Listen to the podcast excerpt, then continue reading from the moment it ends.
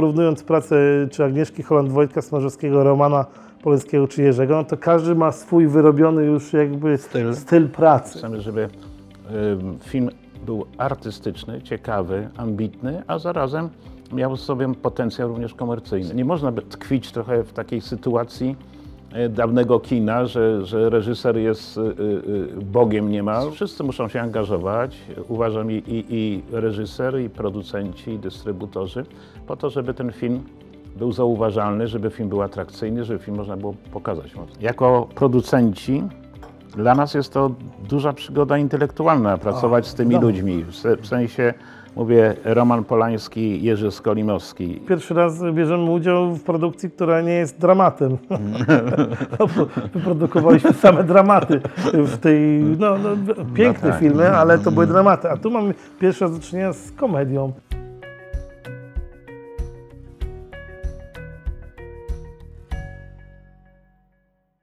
Dzień dobry. Dzisiaj moimi gośćmi są producenci filmowi z nowej firmy na rynku produkcji filmowej, ale nazwiska już bardzo dobrze znane w branży.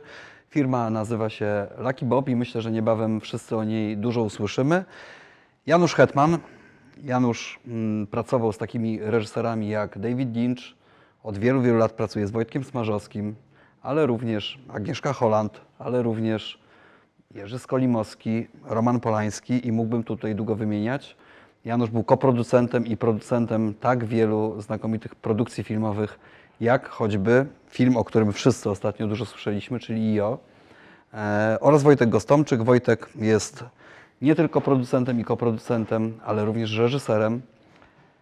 I tu również niebawem myślę, że wszyscy będziemy dużo słyszeli o jego filmie dokumentalnym, który już powoli zdobywa świat.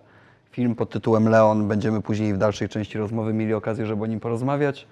Wojtek jest prezesem firmy Lucky Bob i e, producentem oraz koproducentem takich produkcji jak choćby Wesele Wojtka Smarzowskiego. Panowie, to jest rozmowa, która musi się chociaż trochę kręcić wokół biznesu, ponieważ jesteśmy kanałem biznesowym. Więc chciałbym zacząć od takiego pytania, czy dzisiaj na produkcji filmowej można zarobić? Kiedy patrzę na wyniki filmów i kiedy patrzę na tym, co się dzieje w kinach, to mam co do tego wątpliwości, gdzie wokół produkcji filmowej w ogóle jest pieniądz i w jaki sposób ten model produkcji filmowej biznesowy się zmienia? Wojtku. Oczywiście, gdyby nie można było, nie byłoby szans, żeby na filmie zarobić, to, to pewnie nikt by tych filmów nie produkował, tak mi się wydaje. E, zmienił się całkowicie rzeczywiście model jakby finansowania i model sprzedażowy firm, y, filmów, także rzeczywiście jak y, robiliśmy jeszcze film Wesele, wcześniej Claire, no to jakby głównym źródłem przychodów filmu rzeczywiście było tylko i wyłącznie kino, a gdzieś tam platformy, streamingi, jakieś tam sprzedaże licencji zagranicznych, to był jakiś tam mały dodatek, na który nikt nie zwracał uwagi. Dzisiaj ta, właściwie wszystko się odwróciło do góry nogami.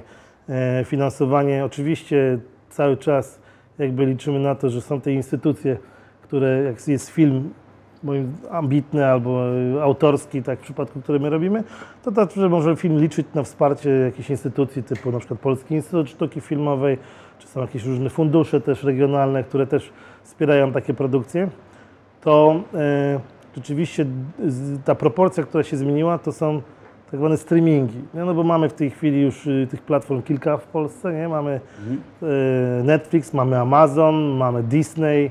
No, e, HBO oczywiście, HBO oczywiście jest teraz, y, nie wiem jak to, nie pamiętam jak się nazywa, Paramount Plus, ta nowa... Showmax.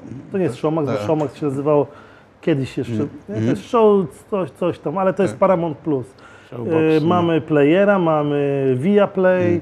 no i jeszcze jakieś tam kilka, które gdzieś swoje premiery będą miały w przyszłym roku. No więc gdzieś tam na szczęście ta wojna między tymi, e, tak, może źle nazwane wojna, ale ta konkurencja silna między tymi platformami e, dla nas wpływa korzystnie z tego względu, że platformy po prostu za pierwsze tak zwane czy drugie okno są w stanie całkiem spore... Za pierwsze okno, czyli za możliwość pokazania filmu, który Tak. wyprodukujecie w pierwszym miejscu. Tak, Tak, czyli, pierwszy... czyli nadal y, generalnie y, film będzie w pierwszej kolejności eksploatowany w kinach, Mhm.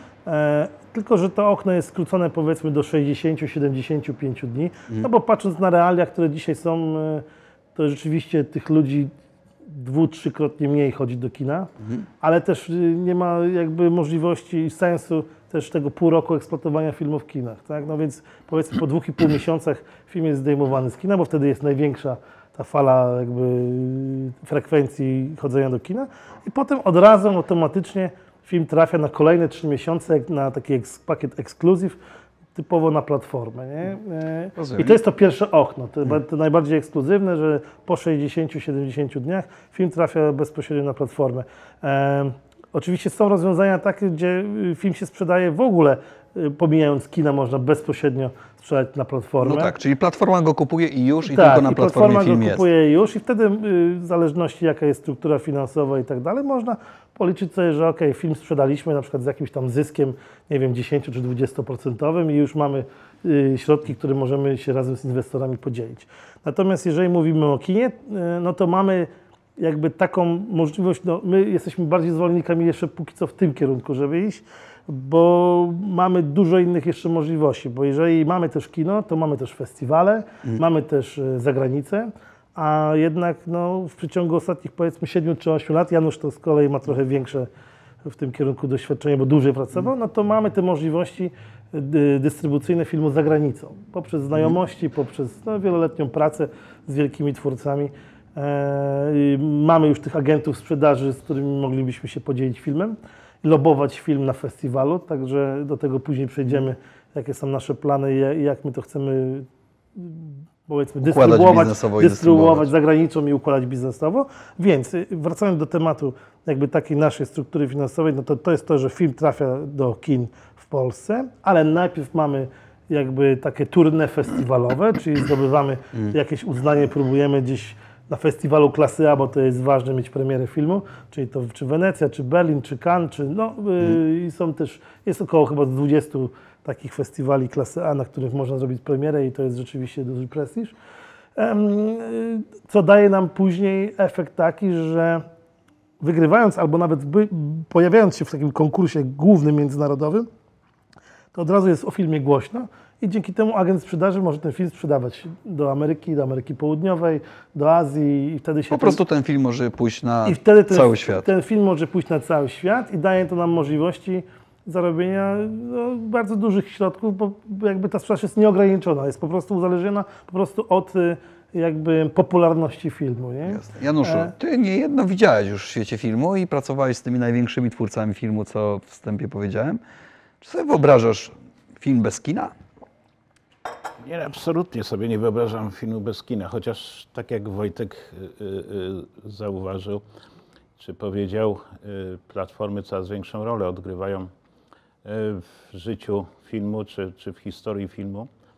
Natomiast ja jeszcze odniosę się do tego początkowego Twojego pytania, y, czy, czy, czy powiedzmy można zarobić, czy To się łączy z E, filmem tak, bez z- kina. Z, produkcją i, i, i z kinami. No my, my z Wojtkiem wyszliśmy i jesteśmy, nasze rodowody filmowe e, e, są bardziej nastawione na mm, e, kontemplowanie sztuki filmowej, na, na, e, łączy się to z szacunkiem dla sztuki filmowej i artystycznej. I, I to jest takim punktem wyjścia dla nas do naszej, naszej pracy i właśnie założeń, które nam towarzyszyły przy powstawaniu pierwszych projektów i angażowaniu się w pierwsze projekty. Przede wszystkim chcemy, żeby film był artystyczny, ciekawy, ambitny, a zarazem miał w sobie potencjał również komercyjny. Tak? No to jest chyba najlepsze i uniwersalne e, e, odniesienie się do, do możliwości producenta. To się Wiele udało chyba przy IO na przykład. No przy IO bardzo się udało, no ale to, to jest przede wszystkim zasługa y, samego Jerzego Skolimowskiego, który ma y, niesamowite doświadczenie i, nie tylko reżyserskie, swoje wspaniałe kontakty, ale przede wszystkim również biznesowe doświadczenia, bo wielu reżyserów, a może niewielu reżyserów, y, zajmuje się własną promocją filmu mocno, zdecydowaniem, wykorzystując swój, swój taki potencjał towarzysko-artystyczny i duże, duże doświadczenie. Jerzy do takich należy na pewno. Ale są reżyserzy, którzy po prostu pozostawiają film samemu sobie, czy bardziej producentom pozostawiają i, i dystrybutorom, a sami się w to nie bardzo angażują. Agnieszka Holland jest przykładem też osoby, która angażuje się mocno w swoje, swoje produkcje filmowe i osobiście się angażuje, bo to jest istotne. Promocje też. filmu. Promocje również, tak, wykorzystując pewnie właśnie i kontakty i... No i, tak, no no ale- bo samo życie zmienia, powiedzmy czas zmienił kino mocno. I teraz nie można tkwić trochę w takiej sytuacji e, dawnego kina, że, że reżyser jest Bogiem niemal, producent jest tą osobą, która praktycznie wykonuje niemal pracę banku czy marketing połączony z jakimś y, bankiem. Natomiast teraz wszyscy muszą się angażować, uważam i, i, i reżyser, i producenci, i dystrybutorzy, po to, żeby ten film był zauważalny, żeby film był atrakcyjny, żeby film można było pokazać. Mówiąc krótko, jest trudniej niż było. Proszę? Jest trudniej niż było. Jest zdecydowanie trudniej. Uważam, że, że właśnie mm, czas jest y, zmieniający się w sensie i politycznym, i, i gospodarczym, i, i, i mentalności ludzkiej, i, i pokoleniowych zmian, które również tutaj odgrywają rolę. I my staramy się, no iść, ja jestem już osobą starszą, ale staram się y, rozumieć te potrzeby y, y, zmieniających się sytuacji i w życiu, i w gospodarce, i w kinie. Wojtek jest osobą związaną bezpośrednio też z biznesem, więc bardzo czuję, Łączycie te artystyczne- czuję, tak, tak, czuję te, te zmiany i uważam, że bez tego nie można. Zresztą wielu was artystów, wiele, wiele, wiele postaci kina, nie tylko polskiego, światowego, które nie nadążają za tym i oni gdzieś po prostu pozostali troszeczkę w tyle tego, tego wyścigu No to w każdej kinowego. dziedzinie i w każdej branży. Ci, którzy No, nie no- idą z duchem czasu, to często Tak, no, no. zostają w tyle. Ale Jerzy Skolimowski, którego tutaj wspomnieliśmy, cieszysz się jego przyjaźnią od wielu, wielu lat i pracujecie razem też już nie rok i nie dwa. E, Ja pamiętam te pierwsze rozmowy o filmie IO. Nie wszyscy w ten film wierzyli, a ty wierzyłeś w niego bardzo? Czujesz jakąś ja, satysfakcję? Ja przede wszystkim wierzyłem w Jerzego Skolimowskiego, bo mm, to jest y, człowiek, reżyser e, bardzo współczesny i on ciągle właśnie to, o czym mówiliśmy, on idzie z tym duchem współczesności, w sensie myślenia, on jest tak samo, dlatego też między innymi ekipa jego filmowa to są ludzie młodzi, począwszy od aktorów, oprócz, oprócz gwiazdy e, francuskiego kina, E, tam pojawiła się faktycznie cała młoda ekipa i aktorska, i realizatorska.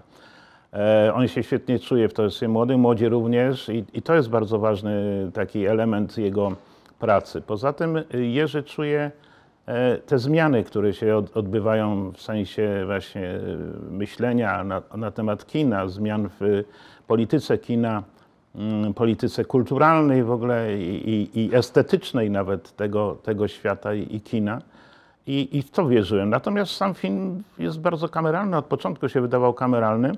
I tutaj no, sam Jerzy też nie wiedział, co z tego wyniknie, ale w trakcie pracy nad filmem wielokrotnie mówił, że, że świetne rzeczy się dzieją, świetne zdjęcia, świetne momenty tego filmu i że no, on czuł to, że to rośnie tak jak, jak ciasto. No i to jest fajne połączenie, bo jednak rzeczywiście w Polsce jakby, no, sam Janusz powiedział, film bardzo kameralny, e, jednak na świecie się bardzo dobrze sprzedał.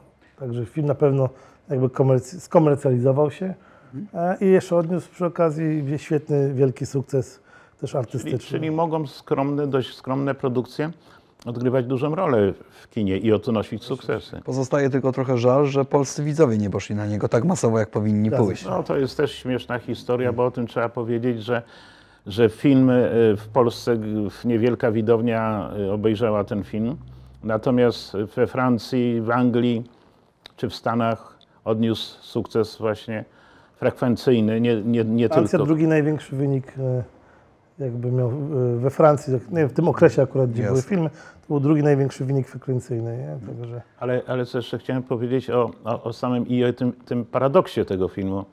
E, Byliśmy z naszym filmem Weselem, ale Jerzy był równolegle, no i, i ja miałem tę przyjemność być z, przy IO w Gdyni, gdzie, gdzie film nie dostał żadnej nagrody, niezauważony. Natomiast na Orbach zdobył właściwie większość, prawie wszystkie najważniejsze nagrody. Właśnie to są dziwne sytuacje i one nie, nie, nie są tylko y, y, dziełem y, y, umysłów y, jurorów, tylko pewną koniunkturą, która, która również pojawia się w życiu artystycznym, teatralnym, filmowym, literackim czy, czy innym.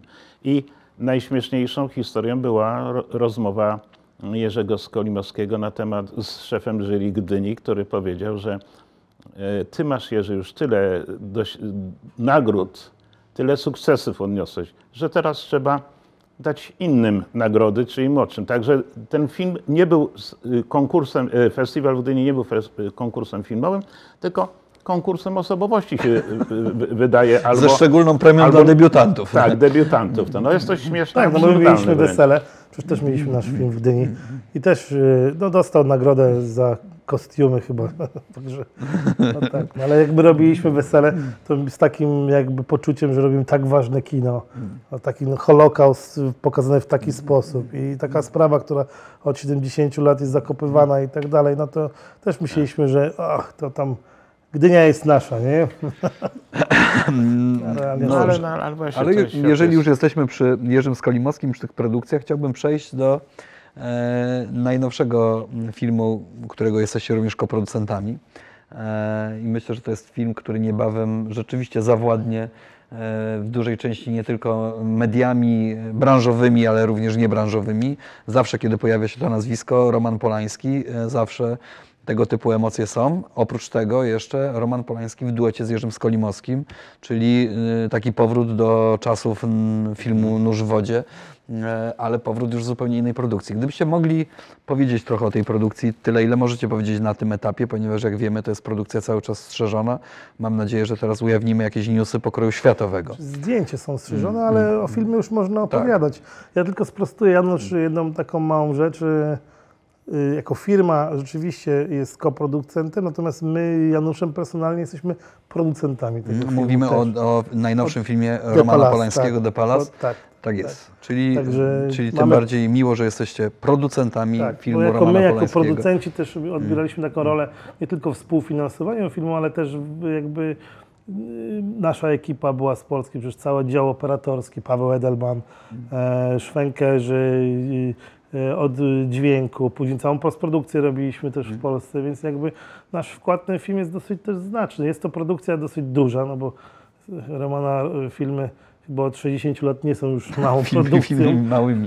małymi, więc to była siła taka złożona z trzech właściwie krajów. Y, Głównie to są Włosi, my jako Polacy i jeszcze w jakimś tam mniejszym stopniu Szwajcaria, więc to jest taka, można powiedzieć, koprodukcja trzech państw, państw. natomiast y, jakby szefowie tych film są też y, producentami. To tak y, podnosząc swoje ego może. To może Tak. za, zacznijmy od nazwisk, jakie się w tym filmie pojawiają. No, y, y, jakby no, chodzi o... O nazwiska o- aktorskie i- tak, i realizatorskie. Z główną obsadą, sam tutaj pan Roman nawet mówił, że no, miał z tym nie lada wyczyn, no ale wybrał sobie taką obsadę.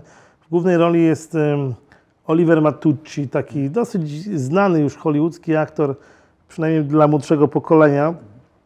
E, To jest e, Niemiec włoskiego pochodzenia, nazwisko Matucci, natomiast on jest Niemcem, ale już gra w bardzo dużych filmach hollywoodzkich e, u boku Johnny Deppa. Także on taką twarz ma rozpoznawalną, ale on w tych takich bardziej familijnych kinach, tam już nie pamiętam nazw tych filmów, ale gdzieś się pojawia. Natomiast dla nas, dla Polaków, przynajmniej dla nas, dla takich, którzy gdzieś tam e, szanują stare kino, no to się pojawia w jednej z głównych ról John Cleese e, z Monty, Z Monty Python. Pythona, tak, który także że tak. świetną rolę tam zagrał.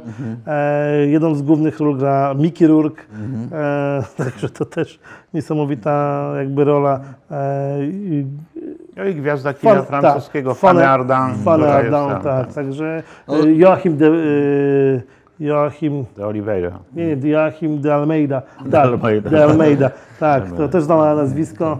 E, On na przykład tam w Desperados grał tego Buczo, tego, Rozumiem. tego złego. No to Tak. takie dosyć znana to twarz hollywoodzka też. tak. Zupełnie największe twarze światowego kina, nie bójmy się tego słowa. Gwiazdy Tak, wielkiego światowego Chociaż formatu. e, jeżeli mogę tam coś dodać, to były zakusy, żeby zagrał Christopher Waltz, e, natomiast e, jakby te terminy... Antonio Banderas. Antonio. Banderas miał zagrać, natomiast y, jakby y, te terminy nie pasowały.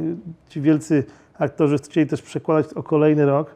No jak y, panowie No, Jerzy, Jerzy Skolimowski Skolimowski i Roman Polański są w świetnej formie, mimo swojego sędziwego wieku, bo Roman skończy w tym roku 90, e, a pan Jerzy 85, to mimo wszystko gdzieś ta presja Powiedzmy, była, że e, e, za rok tych zdjęć może lepiej nie planować Dokładnie i też była taka decyzja otwarcie tutaj Romana, nie, za rok może to się już nie wydarzyć po prostu, więc... e, Ale to są dla nas Rolling Stonesi filmu, Tak, tak, tak jest. także niesamowicie. Więc... Wy przy nich to po prostu młodzieniaszki. Tak, no ja już to już w ogóle młodzieniacy. No tak. No dobrze, panowie, jak, tak- się, jak się pracowało z takimi wielkimi nazwiskami? No jeszcze mogę tam dodać, Janusz, to, to rzeczywiście film jest, może, znaczy nie, pracowało się świetnie, no, ciężko tutaj opowiadać, no, Janusz trochę już o Jerzym wspomniał, no to jest po prostu już legenda, tak samo Roman Polański to jest legenda i porównując sobie pracę, bo mieliśmy okazję i przy Wojtku Smarzowskim, gdzie dla mnie osobiście Wojtek jest moim takim mentorem, e, to patrz, porównując pracę czy Agnieszki Holland, Wojtka Smarzowskiego, Romana Polańskiego czy Jerzego, no to każdy ma swój wyrobiony już jakby Styl. styl pracy. Nie? I ciężko powiedzieć, czy jest lepszy, czy gorszy, bo na przykład Wojtek robiąc filmy, e, ma wszystko przemyślane, ale Wojtek lubi mieć kilka wariantów zawsze, nie? Że na przykład e, powiedzmy scenografia, aktorzy są gotowi i włączamy kamerę i robimy dan. To jest taki przykład. Nie robimy jedną scenę i Wojtek mówi bardzo fajnie, podoba mi się, a teraz ty bądź bardziej zły, a ty płacz, zrobimy trochę inny wariant. Nie? I potem tych wariantów mamy z 10 różnych.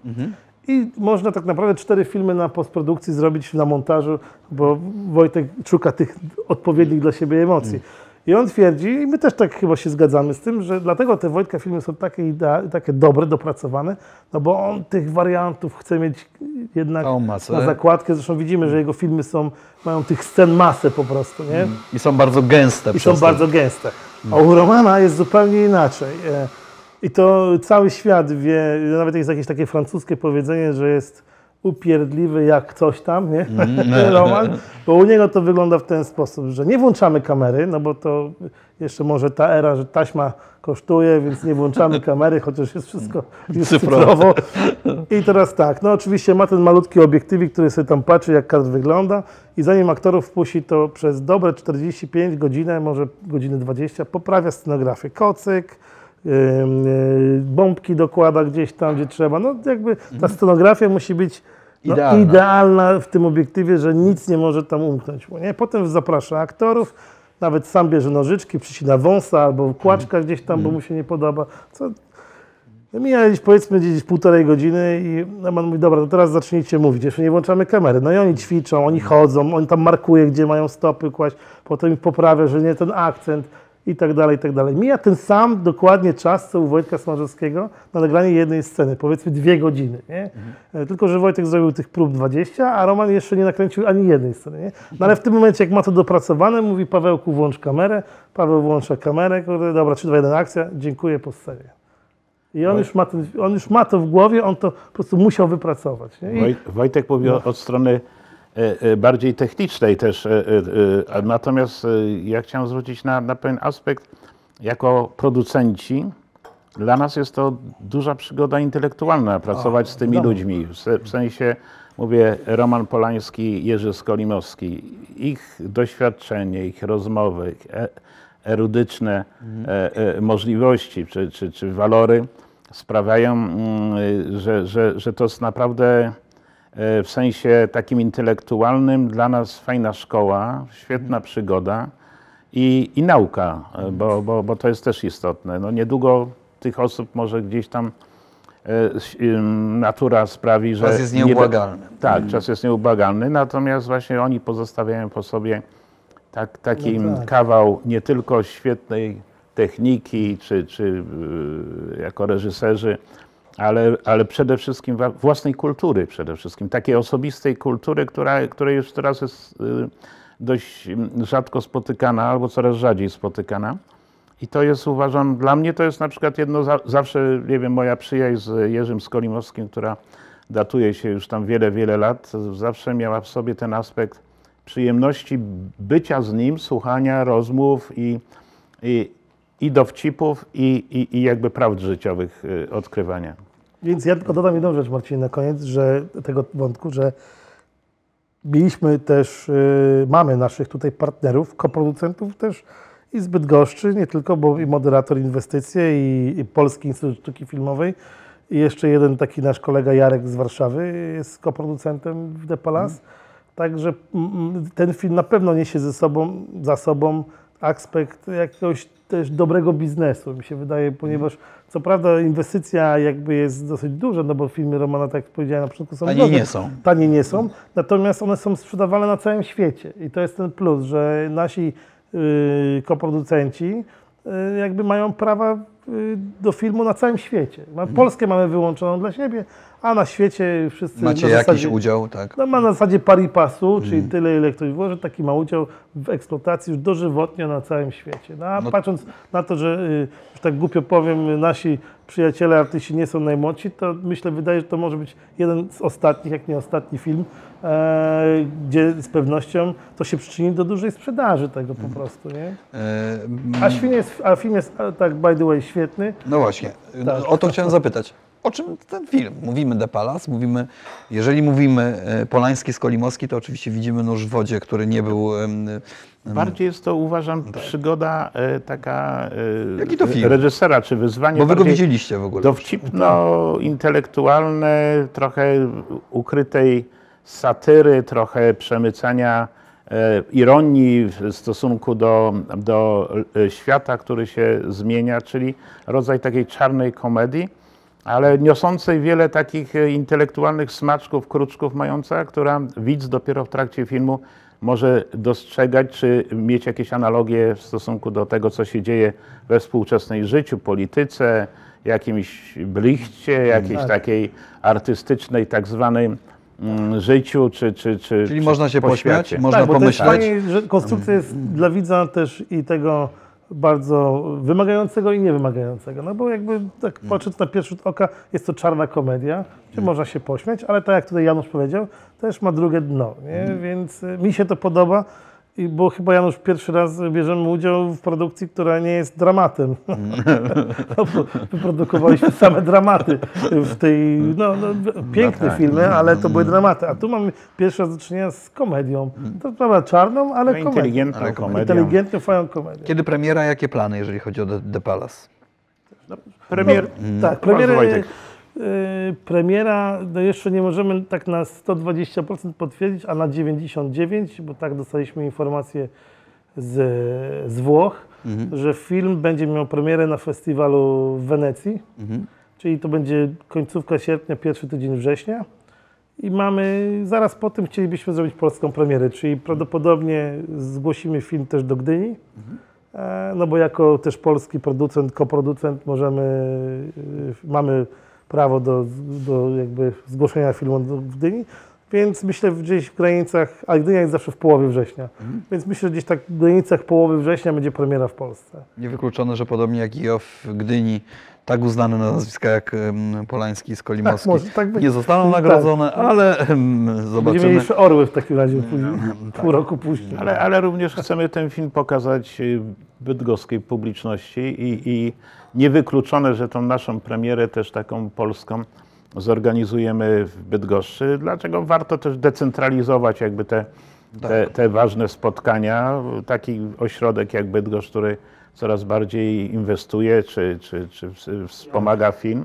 Warto też jest, mm, żeby, żeby Jasne. tak, pokazać to. Warto to odnotować, tym- panowie. Wszystkie tym- swoje filmy pokazujecie również w Bydgoszczy i one tutaj zawsze mają albo specjalne pokazy premierowe, albo prapremierowe. Zwłaszcza, że nasi koledzy, partnerzy, do których zapraszamy do filmu, ja mówię w tym wypadku i, i moderator, i, i Faleloki Koki, e, e, Adama Gudela, czy Waldka Koteckiego, czy jeszcze innych producentów, to są, to są osoby, które one uczestniczą również nie tylko w sposób finansowy, ale również emocjonalny. Im również chodzi o to, żeby ten film był jakąś przygadą intelektualną, przygadą artystyczną, połączenie biznesu z tym. Nie zawsze się to udaje, oczywiście, bo w zależności od sukcesu filmu komercyjnego, ale często jest to również aspekt taki towarzysko-artystyczny, który ma w sobie duże znaczenie dla, Nie, nie dla powiedziałbym pewnych- często, tylko zawsze bym powiedział, że to jest akurat gwarantowane, że zawsze przy naszych produkcjach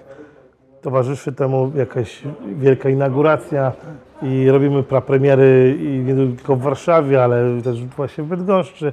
Są też wyjazdy na festiwale, więc... e, Bycie na planie filmowym. tak, e, tak, właśnie. Nasi producenci, koproducenci mogą uczestniczyć też w planie zdjęciowym, Nawet czasami się zdarza, że nawet Zagrać epizod. że zagrają epizod, więc na pewno taka intelektualna przygoda jest i emocjonalna, jak Janusz powiedział, to jest gwarantowane zawsze. Nie? Kwestie jakby biznesowe, no ten model się zmienia. No, no, no, jakby wcześniej była taka sytuacja, że głównie się, tak jak powiedziałem na początku, nastawialiśmy na kino, teraz musieliśmy się trochę przekształcić, jakby y, mniej inwestorów jakby w tej chwili potrzeba do wyprodukowania filmów, bo jakby te wytwórnie dają trochę więcej środków i tak dalej, ale nadal jakby Platformy. tak, dają te platformy, platformy dają środki, więc ale nadal jakby jest, odpowiadając na Twoje pierwsze pytanie, jest tutaj pole i możliwość, bym powiedział, mniej więcej podobna e, jak kiedyś do zarobienia tutaj na filmach. Rozumiem.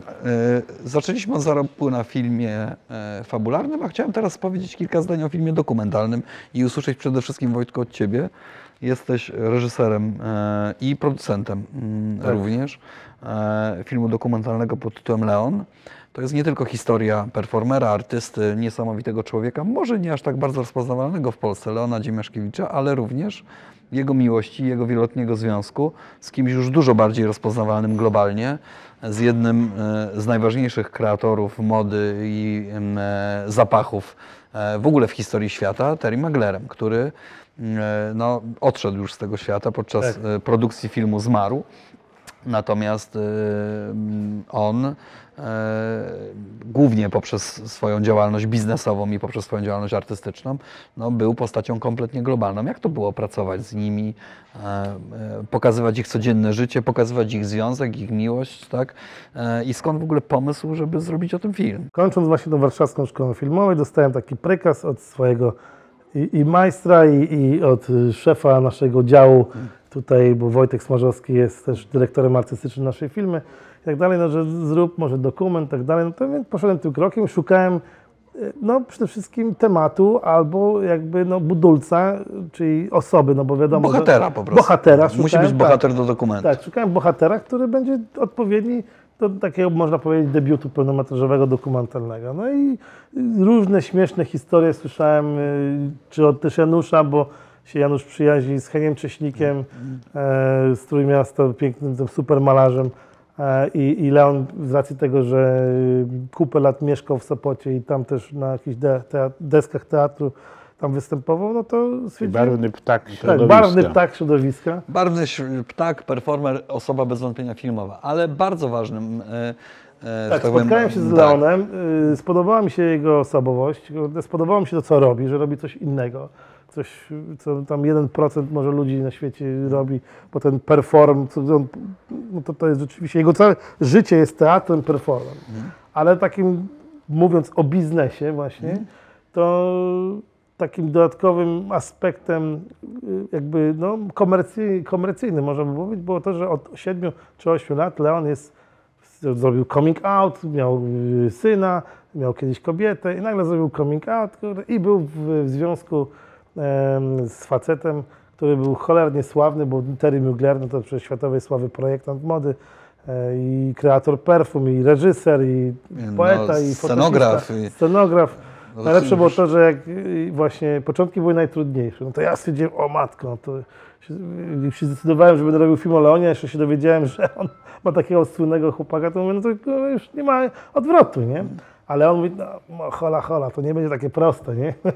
No i rzeczywiście jeździłem chyba pięć razy do Berlina i do Paryża, żeby się spotkać z Muglerem, za aprobatą oczywiście Leona, a maestro wychodził i powiedział, nie mam czasu dzisiaj, przyjedź za dwa tygodnie, nie? nie wiem, czy mnie sprawdza, ale on mówi, może i sprawdza, a może rzeczywiście nie miał ochoty. Mówię, takich jak ty to jest, wiesz, ilu, nie? No i Nikt nie podszedł do niego blisko, jeżeli chodzi Tak, o tak, tak, filmowców. tak. Nigdy No, ale o Muglerze się nie udało zrobić dokumentu. Oprócz Leona. Oprócz, oprócz Leon.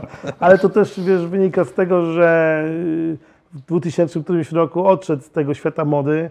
Sprzedał firmę, sprzedał, sprzedał firmę udziały. i nieszczęśliwe wypadki, chyba jeszcze jakieś, bo przecież zmienił się całkowicie jego wygląd, e, gdzie wyglądał 25 lat temu, a teraz to był, to był skok po prostu. No, więc już No, Został kulturystą po prostu. Został kulturystą, jakiś tam niby wypadek jeszcze na, na, na siłowni, więc ta twarz rzeczywiście była bardzo wyjątkowo unikatowa.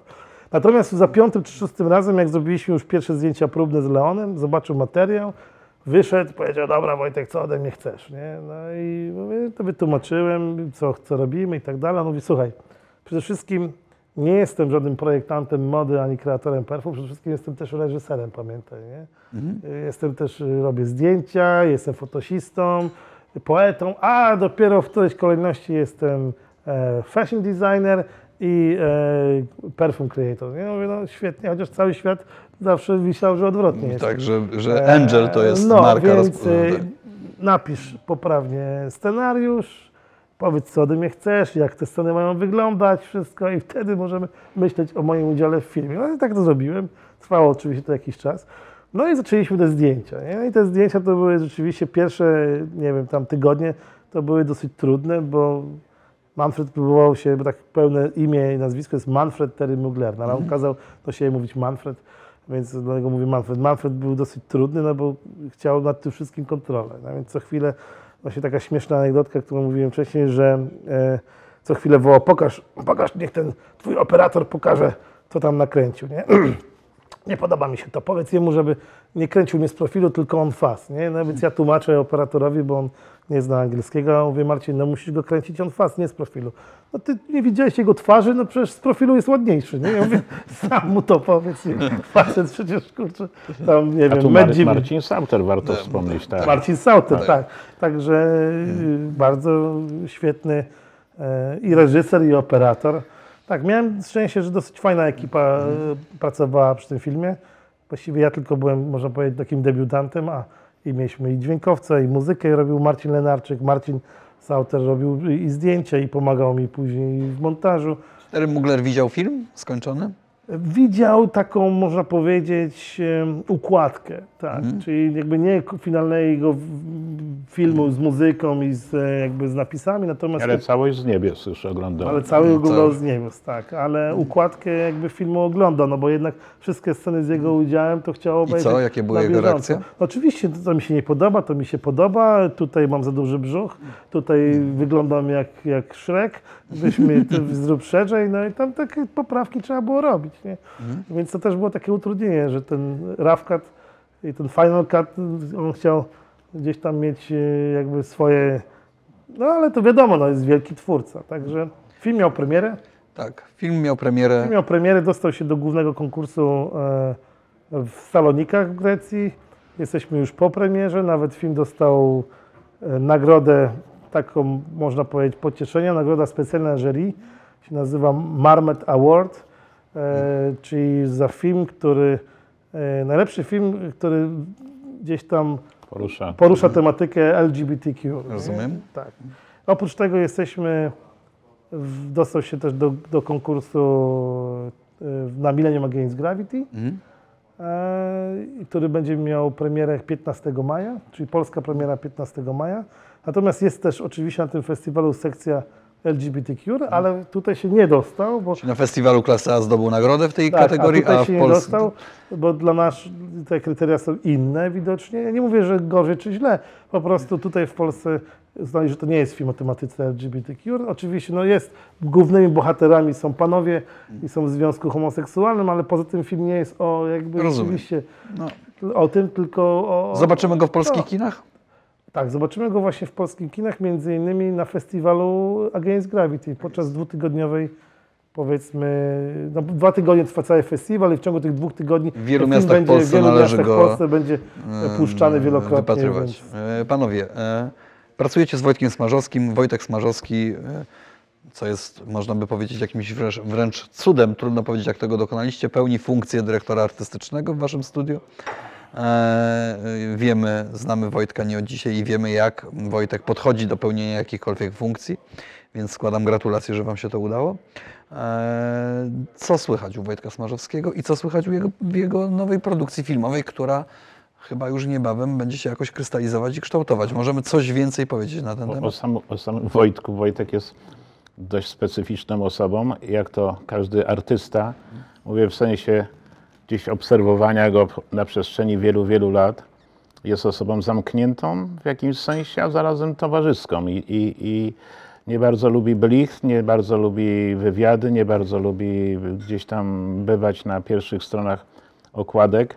Natomiast y, ma bardzo bogate własne życie, które powoduje, że jest też świetnym scenarzystą. A, i, I przy scenarzystą i reżyserem, czyli jest tak zwanym autorem, jednym z autorów kina, e, kina autorskiego właśnie. E, e, Jest, jest przedstawicielem, kina Przedstawicielem kina autorskiego, autorskiego. które to u nas nie jest znowu aż tak częste, ale ono, ono niesie z sobą pewne dla producentów również trudności, bo współpracy, bo inaczej się rozmawia z samym reżyserem, który realizuje pe, pe, pewien, pewien projekt filmowy, a ten projekt wyrasta w głowie Wojtka, jeszcze jest wspólnie z nami gdzieś konsultowany i potem realizowany jako reżysera. Także ta postać jest y, Wojtka dość, dość skomplikowana. Nam się oczywiście bardzo, bardzo byliśmy kontent, że, że, jesteś, że jest z nami jako dyrektor artystyczny, że udało się go namówić. Nie było to łatwe.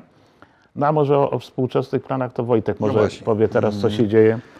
Co się dzieje? jakby- Kiedy nowy film Smarzowskiego? e, O czym będzie ten film? E, No zawsze Wojtek y, będzie dla nas priorytetem, jakby z racji tej współpracy już od samego początku, jak tylko zakładaliśmy jeszcze wcześniejszą spółkę, która miała nazwę Studiometraż. Czyli nie tylko Polański, nie Tak, tylko nie tylko Holland, nie tylko Skolimowski, samego początku- ale przede wszystkim Tak, Smarzowski. przede wszystkim to był zawsze Wojtek Smarzowski. Janusz już współpracował pod Mocnym Aniołem. E, Potem przy Wołyniu pomagałeś, ja się Tak. poznałem z Wojtkiem przy Wołyniu, wyszliśmy w Kler, teraz później zrobiliśmy wesele. No i teraz mamy plany kolejne.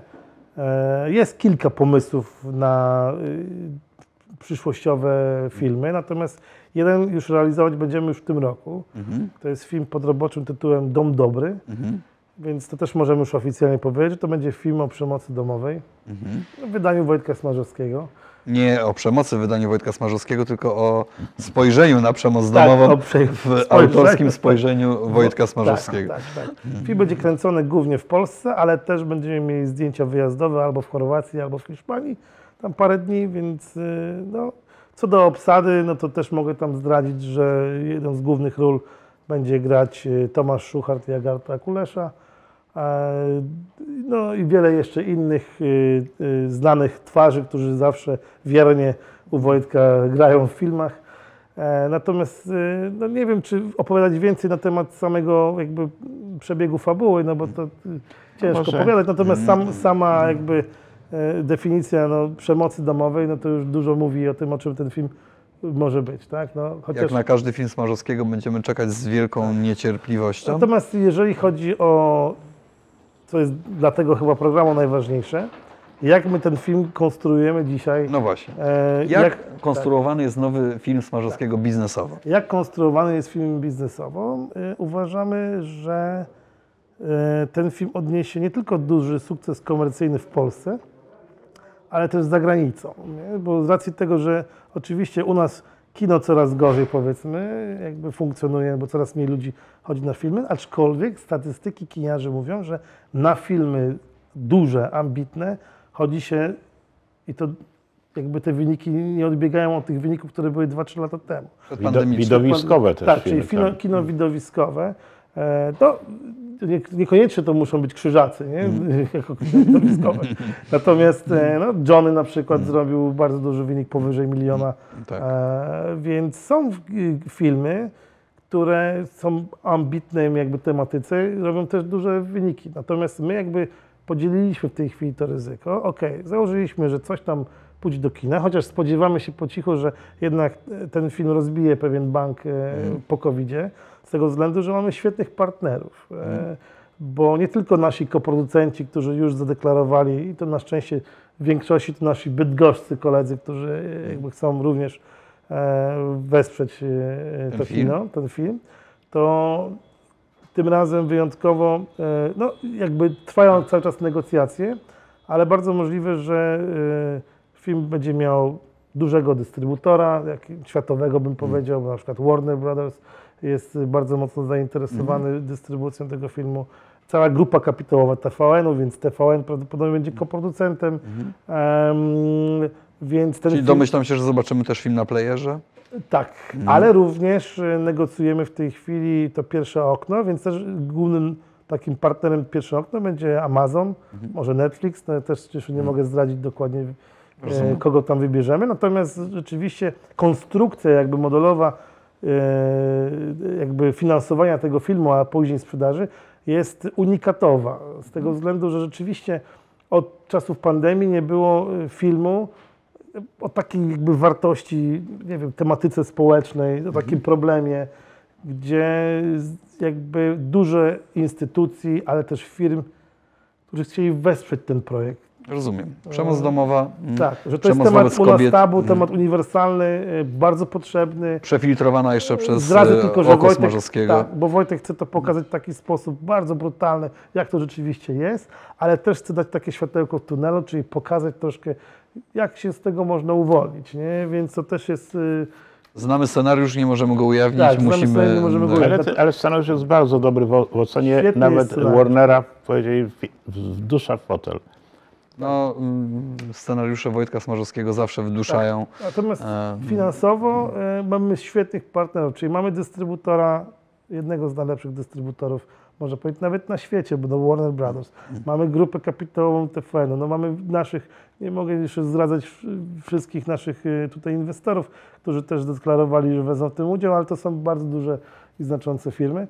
Są też agenci sprzedaży zagraniczni, jakby zupełnie inny model sprzedażowy jest. Czyli mamy kino, mamy pierwsze okno, mamy drugie okno, więc y, film też, y, myślimy, że te- ten budżet tego filmu też jest jakby w takich granicach rozsądku, e, więc y, no i plus jakby technologia, która dzisiaj do nas przyszła i ona przyszła całkiem znienacka niedawno, no bo przed COVID-em tego jakby jeszcze nie było, a po COVID-zie mamy nowe narzędzia promocyjne. Chociażby na przykład taka innowacja, która przyszła z, z gdzieś tam ze Stanów i te programy są do kupienia, że e, film może być dubbingowany w kilku językach, w jakich się chce, czyli to jakby technologia tak zwanego tego lipstick, nie? Ma mhm, rozumiem. Nagrywamy naszych polskich aktorów, którzy odgrywają oczywiście rolę na planie filmowym, a potem w postprodukcji możemy zatrudnić tych samych aktorów albo aktorów anglojęzycznych, którzy będą dombigować naszych polskich aktorów. To daje możliwości sprzedażowe zagraniczną w krajach, gdzie jednak ludzie albo nie lubią tych naszych dubbingów, albo niemieckich dubbingów, tylko chcą rzeczywiście usłyszeć głos aktora i żeby te usta się otwierały tak naprawdę, jak się to... Wiesz o co chodzi, nie? Dzisiaj technologia na to pozwala I i... dzisiaj technologia na to pozwala i my prawdopodobnie w tej technologii też to będziemy nagrywać, żeby właśnie móc sprzedawać to w kinach też za granicą, do takich krajów, którzy nie lubią czytać, nie? No bo jednak Francuzi, okej, Europejczycy są przyzwyczajeni, czy Skandynawowie do tego, że mamy te napisy e, w ich języku i się słyszy ten naturalny polski język, czy tam akcent, nie? Ale już Amerykanie, czy Anglicy, czy nie wiem, Australia, no nienawidzi tego. Niezbyt chcą Jak jest słuchać. w kinach film, gdzie są napisy, to przeważnie ta frekwencja jest 90 razy mniejsza. Nie? Bardzo ciekawe, nigdy nie No, ale zwróciłem na to są, uwagi. są, są na- nadzieje takie w, właśnie zwiastuny, jak ty mówiłeś, i żony filmów, które e, dają, dają nam też jako producentom nadzieję, że ten film będzie coraz bardziej powracał mimo wszystko, jak mówiliśmy, czy to kino może by- być film bez kina, to mówimy, że kina coraz bardziej chyba będą znowu nieoblegane, ale, ale, ale y, frekwencja się y, po- na pewno polepszy i, i nam towarzyszy ta myśl, że mimo gdy y, któryś z naszych filmów był realizowany w takim trudnym okresie e, pandemicznym i, i, i kina właściwie pustoszały, no to to jest właśnie los producenta, że raz się jest, robi się taki film jak Clary i zarabia się mnóstwo pieniędzy, on jest i artystycznie, i komercyjny zwycięstwem, a raz jest film, który przynosi niestety pewne mm, porażki bardziej właśnie ekonomiczne, no ale to jest wpisane właściwie w losy producenckie, w losy Nie na każdym filmie kina. można zarobić Nie na każdym filmie można ponad zarobić. 100 Ale milionów złotych przychodu. My, nasza postawa chociażby jest tego dowodem, że nas nie zniechęcają porażki czy pewne e, e, jakby tąpnięcia w, w polityce kinowej, filmowej. Jest, idziemy dalej i to Wojtka film Leon i nasz współpraca z, z Wojtkiem Smarzowskim No i De Palas. i De Palas, ta, tworzą w kinie nadzieję, to jest bardzo fajne, że, że, że warto robić, warto tworzyć, warto, warto inwestować też. To taka Tak jest. też do inwestorów jakaś. Nie no, warto. No, To na pewno będzie super przygoda, jeżeli chodzi o filmy Wojtka, no bo zawsze jest przygoda i, I zawsze jest wyzwanie. Zawsze czuję się nawet na planie filmowym, czuję się tą wagę tego tematu, który się robi. Zgadzam czy to się. jest film o czy Wesele, czy Claire, czy teraz tak jak będziemy robić Dom Dobry, no to będzie na pewno się czuć powagę tego tematu, po co to robimy, nie? tak naprawdę. Tą, myśl, tą myślą będziemy kończyć. Mhm. E, Bardzo uprzejmie dziękuję. Dziękuję. Oczywiście zapraszam do kin nie tylko na The Palace, to już niebawem, nie tylko na Leona, to też niebawem, e, nie tylko na najnowszy film Wojtka Smarzowskiego pod roboczym tytułem Dom Dobry. To trochę, trochę bardziej niebawem, ale też niebawem, ale zapraszam do kin w ogóle, żeby kina nie umarły. I mam nadzieję, że panowie do zobaczenia za czas jakiś. Robicie tak wiele fantastycznych, fenomenalnych rzeczy, że zawsze jest o czym rozmawiać. Janusz Hetman, Wojtek Gostomczyk, Marcin Kowalski, dziękuję bardzo. Dodam tylko na koniec, że te odgłosy, które tutaj były słychać, one wynikały stąd, że znajdujemy się w bydgoskim e, Focus Hotel Premium przy ulicy Bernardyńskiej 13. Też serdecznie do niego zapraszamy. No, życie hotelowe się toczy normalnie, więc przepraszam, jeżeli one w jakiś sposób przeszkadzały w odbiorze naszego materiału. Dziękuję bardzo. Plan filmowy. Tak.